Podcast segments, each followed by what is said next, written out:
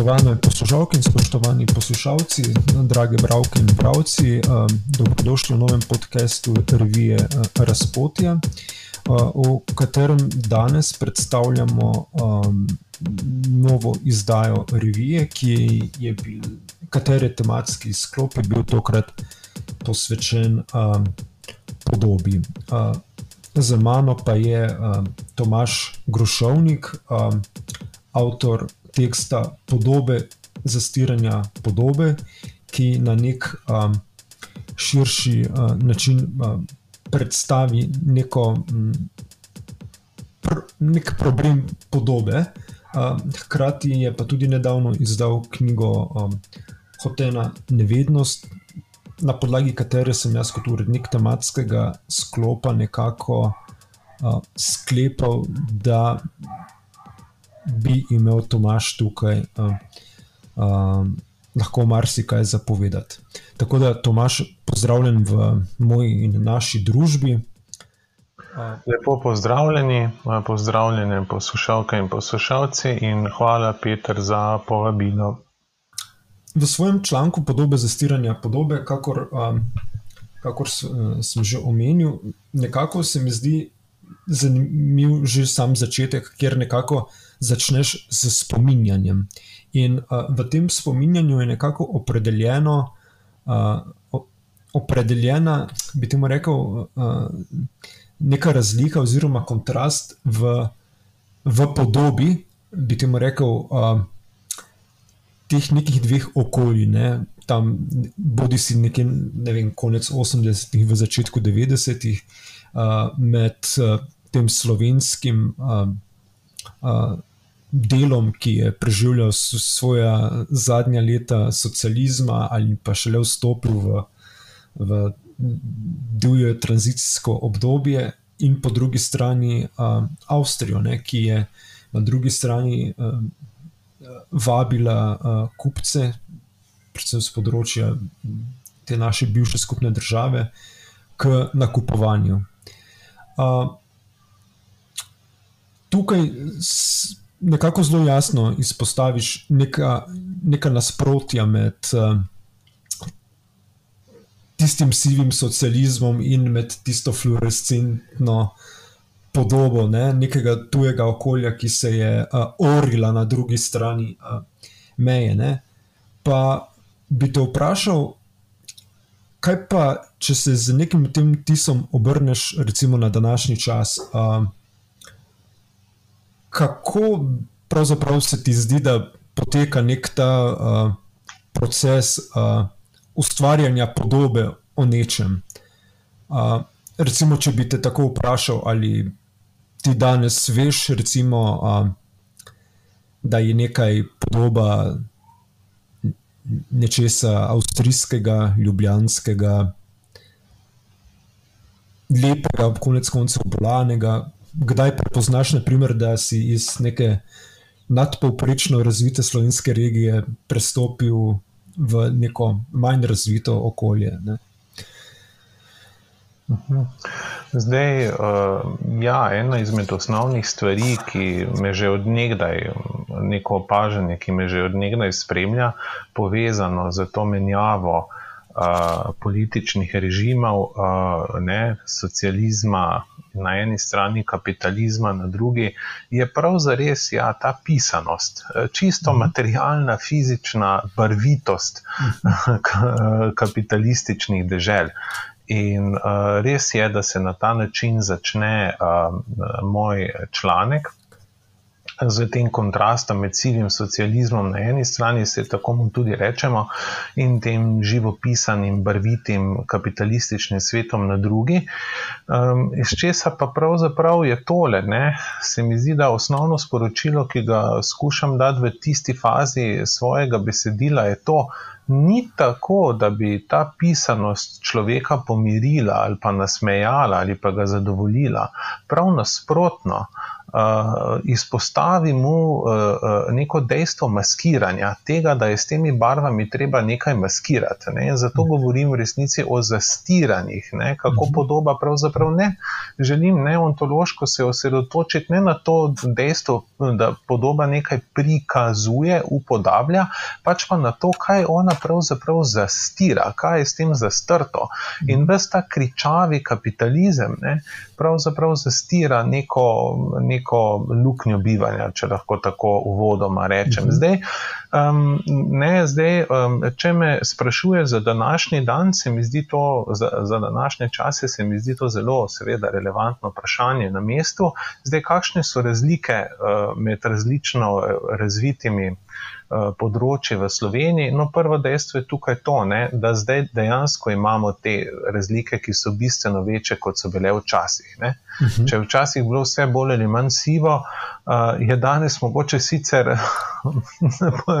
tudi tako, bom rekel, določene, določeni predeli bolj pisani, pa ravno zaradi tega mogoče bolj revni. Uh, Um, uh, skratka, ta kričavost barov mogoče izraža neko, neko, neko dodatno ob, obupanost. Zdaj, um, ena posebna uh, značilnost Slovenije ne, uh, ta, uh, je, je ta nek res, bom rekel, barbarizem jumbo plakatov.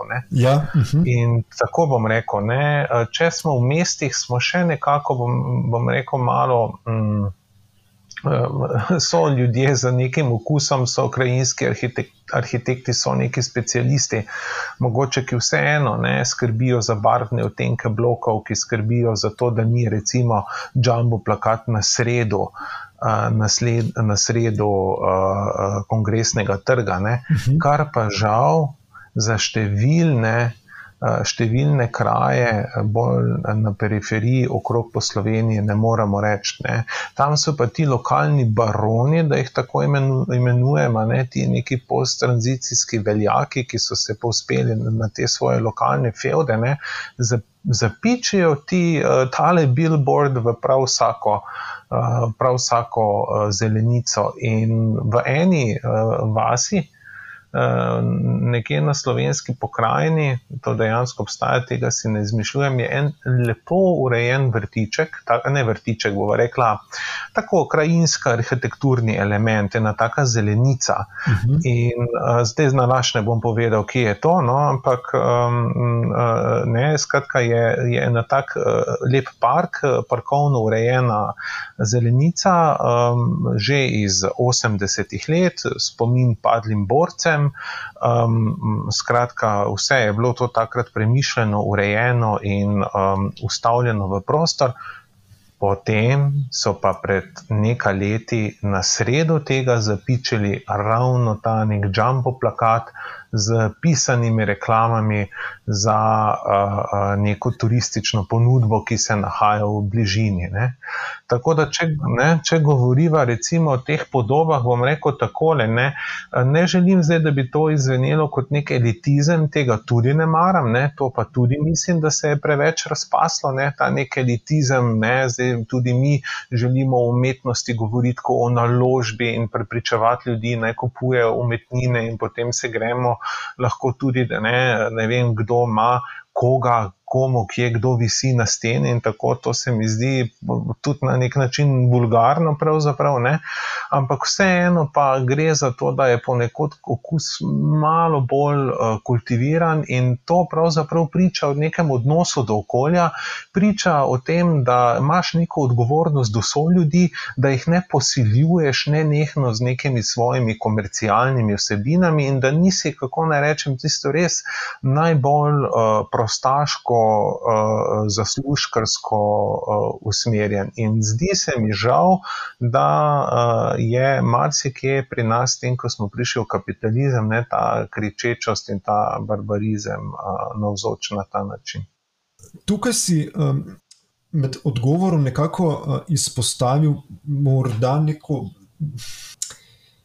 neko pojmovanje, kjer si nekako izpostavil, da podobe na tak način uh, kot so govorila v primerih nakupovalne kulture v, v Avstriji, prej zastirajo, kot pa prikazujejo. Uh, zdaj, seveda, tukaj na neki uh, ravni lahko govorimo o, rekel, o neki sledi, bi temu rekel, um, morda nekega bolj modernističnega ali pa razsvetljenskega uh, pristopa, kjer posameznik, skupnost, kakorkoli je odločen, bi ti rekel, uh, odstreti, spoznati, uh, odkriti stvar za, za to uh, ma masko. Ne? Seveda pa se uh, po drugi strani zdi, da, da ga na drugi strani pa vendarle morda čaka neka. Podoba, podoba, ki je pač tisto spoznanje, in je potem hkrati tudi potem ta neka izločenost iz, uh, iz uh, sveta, če smem uh, temu tako reči. Nekako se mi zdi, da tudi sam pokažeš, da je odnos uh, podobe, uh, kom, vprašanje podobe, kompleksnejše kot pa uh, uh, uh, zgolj to, da nam uh, uh, uh, nekaj zastirajo ali maskirajo, v bistvu, da je problem tudi v tem, da nam v bistvu podobe lahko, mislim, nekaj kažejo. Ne? Ja, zdaj na koncu, ne, na koncu se stavka sledi to razmišljanje, ne, da m, mm, podoba ni samo spodletela, ne, ni samo tako, da ne bi uspela. Ne, um, podobno ne, se mi zdi, tu se malo mogoče malo uh, želim pokazati na, um, na nek drug paradoks, ki ga jaz čutim. Ne v tem, da bi recimo podoba spodletela vedno, nujno, ne? ali pa da bi mhm. recimo želja spodletela. Ne? Meni se zdi, da je problem na nek način ravno nasproten, ne? da ji uspe, ne? tako podobi uspe nekaj prikazati. Uh, kot tudi ne, želje lahko včasih uresničimo. Ne, in dejansko ne, ni problem v tem, da ne bi mogli nikdar biti srečni. Na nek način, če sreča ne bi bila dostopna človeku, če podoba ne bi morala prikazati nečesa, potem sploh ne bi bilo problema. Problem je v tem, ker jih hkrati uspe in ne uspe. Ne, ker hkrati smo mhm. srečni in nismo, ker podoba hkrati nekaj prikaže, in po drugi strani tega ali pa nečesa drugega ne uspe prikazati.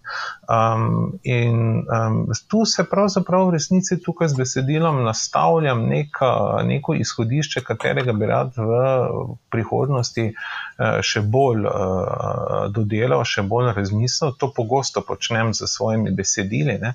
nekako misel me v zaključkih pripelje do potem nekih različnih eh, platform, ki jih želim uporabiti za vnaprej. In to je ena taka platforma, do katere se prebijem tukaj z, z podobo. Ne. Zdaj, v samem besedilu rišem nekako tri različne te mm, načine, kako mogoče podoba zastira nekaj, ne pa prikazuje. In prvi je ta, o katerem sem govorila, ne, ta kričeč kapitalističen, um, uh, kričeča kapitalistična paleta, oziroma da rečeva potrošniška. Ne. Ker cel čas uh, nekaj prodaja, skuša, ne, tako bomo rekli, burkaška postane. Ne, kot nekdo, ki nas cel čas, pa dajte se smejati, bodite dobre volje, kot nek glasbenik, ki cel čas bo rekla pumpa, ne, ampak ravno s tem začne kazati neko praznino, ne, ki je pravzaprav v ozadju. In tako se mi zdi, da je za temi kričavimi podobami. Ne, namesto da bi uspele nekaj uh, zamaskirati, dejansko kažejo na to, kar skušajo maskirati. Ne. Podobno, ko ne dam primer eh, zastora. Ne.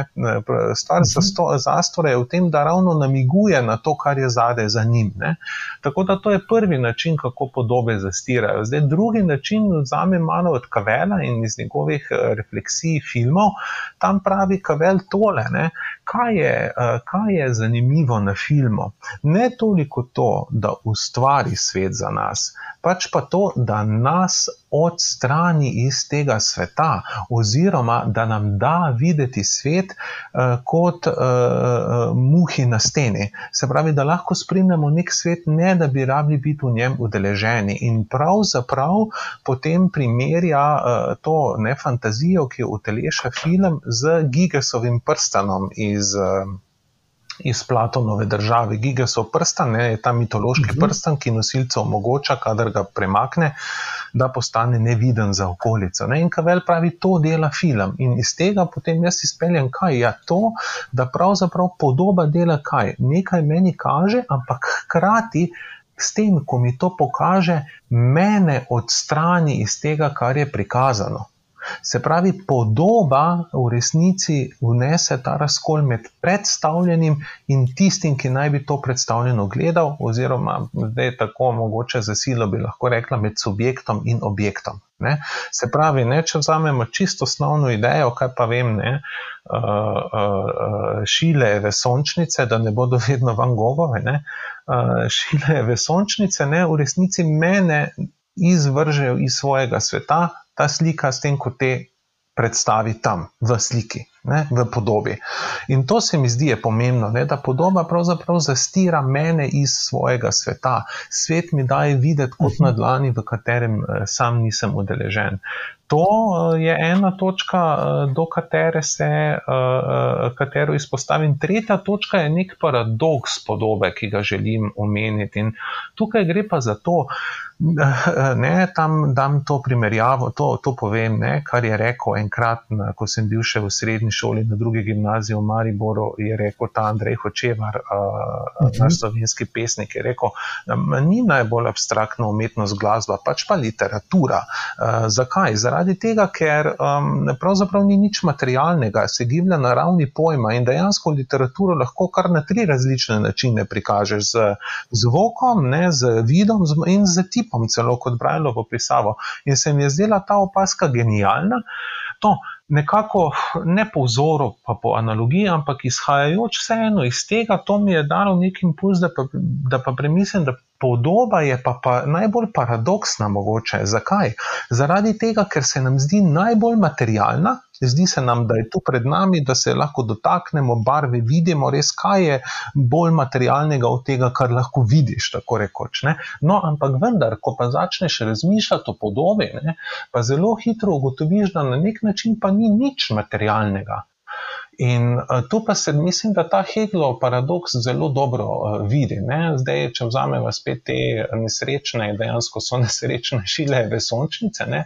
in jih gledamo, te sončnice, ne? tam vidimo neko, neke rjave odtenke. Ne? In zdaj, kako spoznamo to podobo? Preko univerzalnih lastnosti. Rjava je nekaj univerzalnega, grobo je nekaj univerzalnega, ne vem, žalostno je nekaj univerzalnega.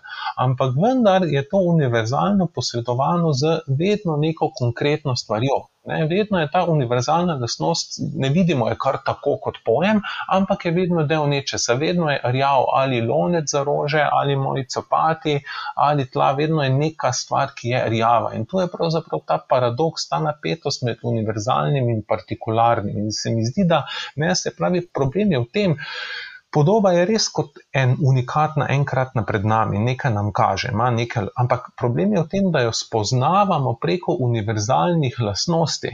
Torej, na nek način ni nič konkretnega, ni nič stvarnega. Ne? In uh, spet na nek način prikazuje, hkrati pa tudi zastira.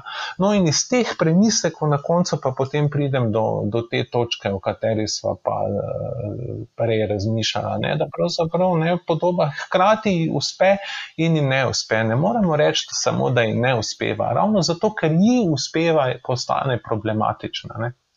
Uh, tekom tekstov in razmislekov o tem se je izkazalo, se mi zdi, vsaj pri meni, da v bistvu pač obstaja res neko, neka zanimiva napetost med tem, koliko je podoba uh, materialna in koliko je podoba, če tako rečem, pač v, v luči nekega, kontrast, uh, nekega nasprotja, uh, idealna. Ne? Se pravi, pač brljivost samih podob je pogojena z tem, da. Uh, mi že imamo neko pojmovnost, ne, da morda obstaja tukaj neka. Uh, Nek aparat, s katerim mi dejansko tisto obravnavamo, ampak hkrati se nam na tak način zdi že znano. Se pravi, je v bistvu že del tistega sveta, ki ga mi nekako posedujemo, razumemo in katerem imamo uh, ne, neko predstavo. Ne. Se pravi, uh, kaj, kaj mora podoba storiti, če tako rečem, ali pa kako kakšna naj bo podoba, da bi nam lahko nekako, bi temu rekel, odstrla, uh, uh, bi temu rekel, to neko našo zaprečenost ali pa uh, zasidranost v podobe, ki so že v nas. Ne se mi zdi, da je ta nek proces, ne vem, mi ni čisto dojemljiv, pa če mogoče lahko kako komentiraš. Zdaj, to, kar praviš, me spominja na sledeči problem. Tak, ne, kako lahko spoznamo nekaj novega, če pa je spoznavanje vedno na podlagi nekih pojmov, ki jih moramo že vnaprej mhm. imeti. Recimo, Oziroma, kako spoz, kako narediti neko novo podobo. Ne, ker, kaj je problem novosti, ne, spoznanja novosti? Problem spoznanja novosti je v tem, da spoznanje vedno temelji na nekih pojmih, ki jih že imamo. Ne. Ampak, če jih že imamo, kako je potem lahko novo? Ne? Uh, ne? Ker, če bi bilo res radikalno in za res novo, tega ravno ne bi mogli spoznati, ker ne bi imeli uh, uh, ravno starih pojmov, na kateri bi se lahko odprli. Mislim, da je to, uh, kar se tukaj odpira, v resnici problem, ki se odpira, uh, ki je problem za Platona, ne? za vso to reminiscenco, za idejo, da je spoznavanje pravzaprav nič drugega kot spominjanje kar mogoče nam danes zveni malo naivno ali pa mitološko, ali pa mogoče tudi čisto nerazumljivo, ne, kakšno, kaj, kaj je spominjanje, kakšno spominjanje. Spominje pa če eno, ne, pač ne to pa, da jaz govorim ali pa razmišljam, ne, v čist nekaj drugega. Ne? Recimo, ne vem, če igram šah, pa razmišljam, kaj ima to pravi zdaj spominjanje. Ne? Po eni strani, ne? ampak po drugi strani pa ne, po drugi strani je pa res fascinantno. Pomislimo, koliko krat smo v situaciji, ko iščemo neko besedo, da bi nekaj opisali. In takrat, kaj delamo, je ravno iščemo spomin, Ne? Na nek način se želimo spomniti, kaj je že to. Se pravi, dejansko je neka uh, zelo uh, močna sorodnost med, uh, uh, spomi, med uh, kako naj rečem, subsumiranjem pod pojem, iskanjem pojma in spominjanjem, in definiranjem in spominjanjem. Tako da tukaj odgovora na to ni, ne, kako uh, s podobo prikazati nekaj novega. Ne kvečemo še dodaten paradoks, ki se tukaj mogoče kaleidoskopsko fraktalno zrcali, ne, ravno zaradi uh, omenjenega, ne, ker vse, kar poznavamo, spoznavamo na nek način na nekih uh, že obstoječih pojmih. Ne, in torej neč nečesa radikalno novega ravno ne bi mogli spoznati, ker to temelji na starih pojmih in mislim, da je tu nek znanstveno-fantastični avtor. Zdaj, ne vem, jaz nisem ravno velik pristaš te vrste literature, pa ne vem, pač preprosto sem, nisem nikoli to bral, ampak ta se mi je pa zdaj zanimiv. Zdaj pač ne poznam vse poslušalce in poslušalke, bodo gotovo vedeli. Mislim, da nek zemljani detektirajo nek čuden signal, ki prihaja iz vesolja, ampak potem pač ta signal, to je to, nekaj dosti več od tega ne znajo razozlati. V resnici pa gre, kaj je problem, je, da gre za preveč napredno stvar, da bi jo lahko detektirali. To, zdaj, uh, Petr, če se smem še samo ja. to, sem se spomnil v zvezi z prejšnjim vprašanjem, ne, ko, govori, ko sem rekel tole, ne, da želja pač ni problem želje v tem, da je neuresničena, pač pa v tem, da ravno včasih se zadovolji to, da je načeloma nezadovoljena in pa to, ko sva rekla, da, pro, da problem podobe ni v tem, da bi je nujno spodletelo, ampak v tem, da je ravno večkrat uspe. Tu bi rekel takole. To svojo misel bi ilustriral pravzaprav z navezavo na en, Makave, na en film Dušana Makavejeva. Eh, zdaj pozabil sem naslov, točno, gre pa za njegov zgodni film in sicer en človek hodi po trgu in vidi ljudko v izložbi in on si želi te ljudke v izložbi tega ženskega telesa, in uh, ne pride do njega, in potem se odloči, da bo s kladivom udaril.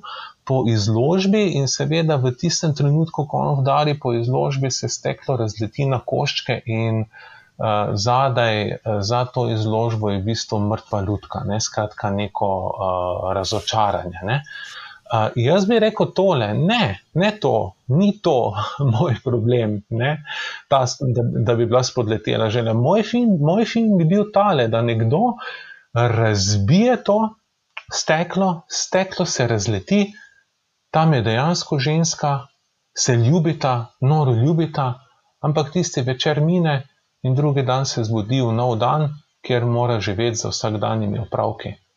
To se mi zdi, da se nam prej dogaja kot tisto, da bi, da bi naleteli na samo neko golo praznino. In to, kar če bi naleteli na samo golo praznino, kot rečeno, na nek način ne bi imeli težav v življenju. Ne? Problem je v tem, da ravno dobimo neke zadovoljitve, ne? ampak da se izkaže, da pač te stvari potem preprosto minejo, grejo poč, grejo dalje. Ne? Tako, no, če smem ne, se, se navezati uh, nazaj na, na še na predhodnjo uh, temo. Uh, zdaj pa bi mogoče še samo tako, mogoče v smislu neke aktualnosti vprašal, um, pa bi morda se potem um, nekako počasi šla k zaključku tega pogovora. Um, se mi zdi, da um, no, kako bi rekel, zdaj, bodi si je ta. Bodi se že nakazovalo, ali pa je bilo tako v nekih preteklih letih, da smo bili izrazito izpostavljeni recimo nekemu pritisku, podob, udiranju podob. Uh, uh, ki, uh, recimo, če se zdaj spomnim na, vem, na prizore, ki smo jih spremljali v zvezi z napadom na, uh, oziroma vdorom na ta a, a, a, a, Washingtonski kapitol ob eh, inauguraciji. Ali, no, uh, ali pa recimo te zabavni posnetki te mjanmarske učiteljice joge ob državnem udaru, da smo dejansko zelo izpostavljeni uh, nekim podobom, ki tako rekoč vdirajo v neke naše zelo intimne prostore, v bistvu vdirajo dejansko vse čas. Uh, in v nas sprožajo, bi temu rekel, ne, lahko neke zelo um, uh, intenzivna občutja. Um, in uh, ne vem, se ti zdi, da. Kako bi ti rekel, kakšen odnos bi morali pravzaprav znati do tega zauzeti, če v bistvu se mi zdi, da je lahko neko naše vsakodnevno čustvovanje ali pa razpoloženje oblikovano uh, skozi vdore podob, ki, so, uh, uh, ko, ki, ki smo jih prejeli, brez da bi zatem res bila posredovana še kakš, kakš, kakršno koli reflektiranje, u, u, u, pojmovanje tega, kar se nam uh, dejansko dogaja. In se mi zdi, da, da, da nekaj zelo, bi temu rekel, tej. Uh, čustveni ravni smo zelo izpostavljeni uh, tem procesom. Kako bi naj ti, kot filozof, sedaj človeku svetoval ali pa ga nekako usmeril v tem smislu, kaj narediti s tem? Ne? Ker tudi, kot smo rekli. Kot si prej razlagal, ta nek malo bolj kom, ta nek kom, problem podobe, ne, da v bistvu pač ja, hudič pa je, da skozi to pa vendarle tudi uh, nekaj dobimo. Ne? Zdaj, kako, ali bi potem morali to znati nekako ustrezno uh, uh, filtrirati, v bistvu se ne pustiti presenetiti. Uh, kaj, mi, kaj, kaj misliš o tem? Ja, mislim, da je to uh, v resnici pedagoško vprašanje. Uh, ne, v, tem, ja, v tem smislu, vse to je resnici, tudi, seveda, pomemben del filozofije. Ne. Mislim, pedagoško v tem pomembnem smislu ne, nekega uh, samo. Uh, sam, ne izpopolnjevanja, ampak nekega um, bildung, kot rečemo po nemško, no, nekega, uh, nekega, neke tudi samo vzgoje tega ne izoblikovanja. Odnosa do sveta in kultivacije naših uh, strasti ali pa želja, kot bi mogoče temu rekel um, Kavel. Um, zdaj, kakšno, jaz mislim, da je tukaj treba, um, treba obrati neko nek nov način, niti ne ta asketski, ne, ta nek čisti asketizem in to neko popolno zavračanje ne, ne deluje, ker na nek način samo afirmira, po drugi strani, da je podoba problem.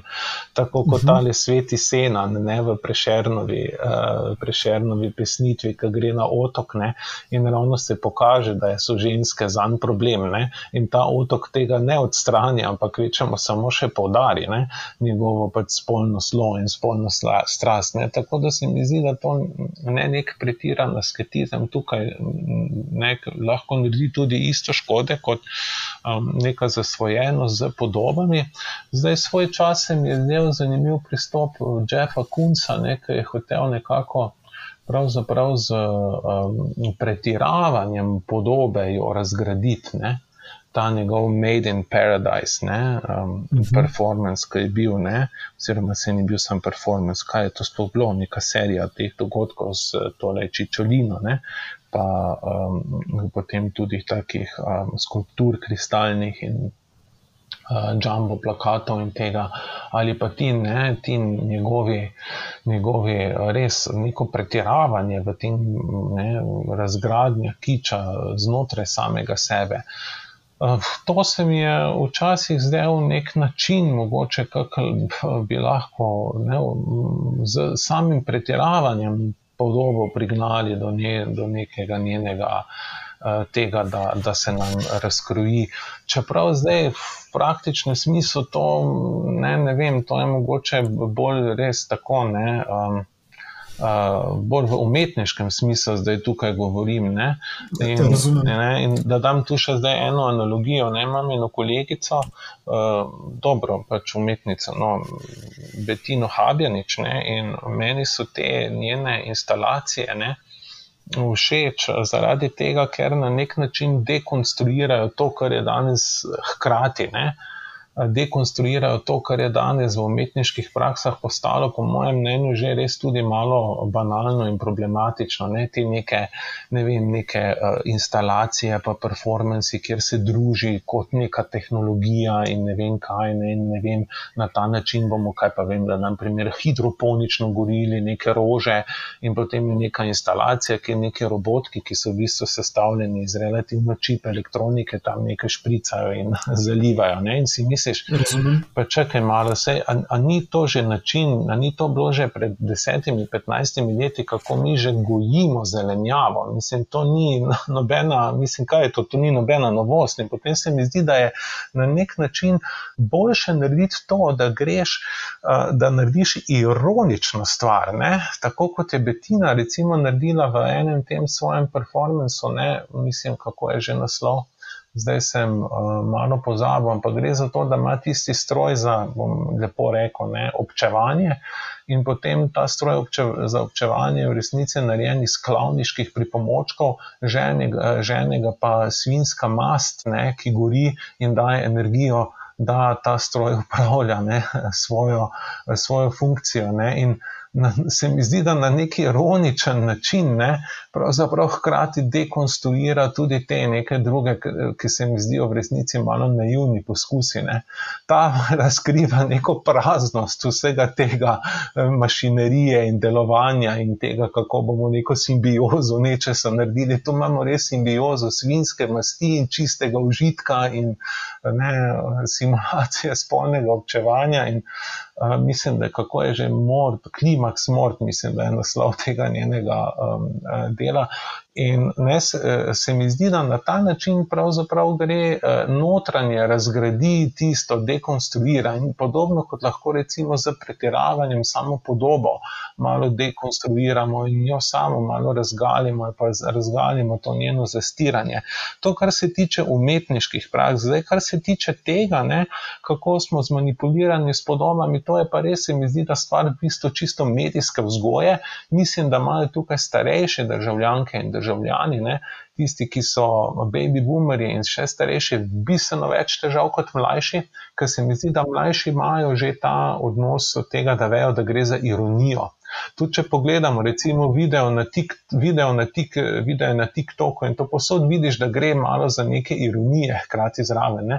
Problem so starejše generacije, tiste, ki so dobile, ne, tiste, ki so zdaj dobile v roke Twitterja in se naučile to uporabljati. Ne. Poglejte, ti so dosti bolj in v političnem smislu problematični in uh, dosti manj kritični pri sprejemanju teh informacij in ne vem, dobijo občutek, da so lahko končno sami svoji uredniki ali ne vem, kaj si mislijo. Ne? Ljudem se mi zdi, da ti imajo težavo večjo z obladovanjem podob.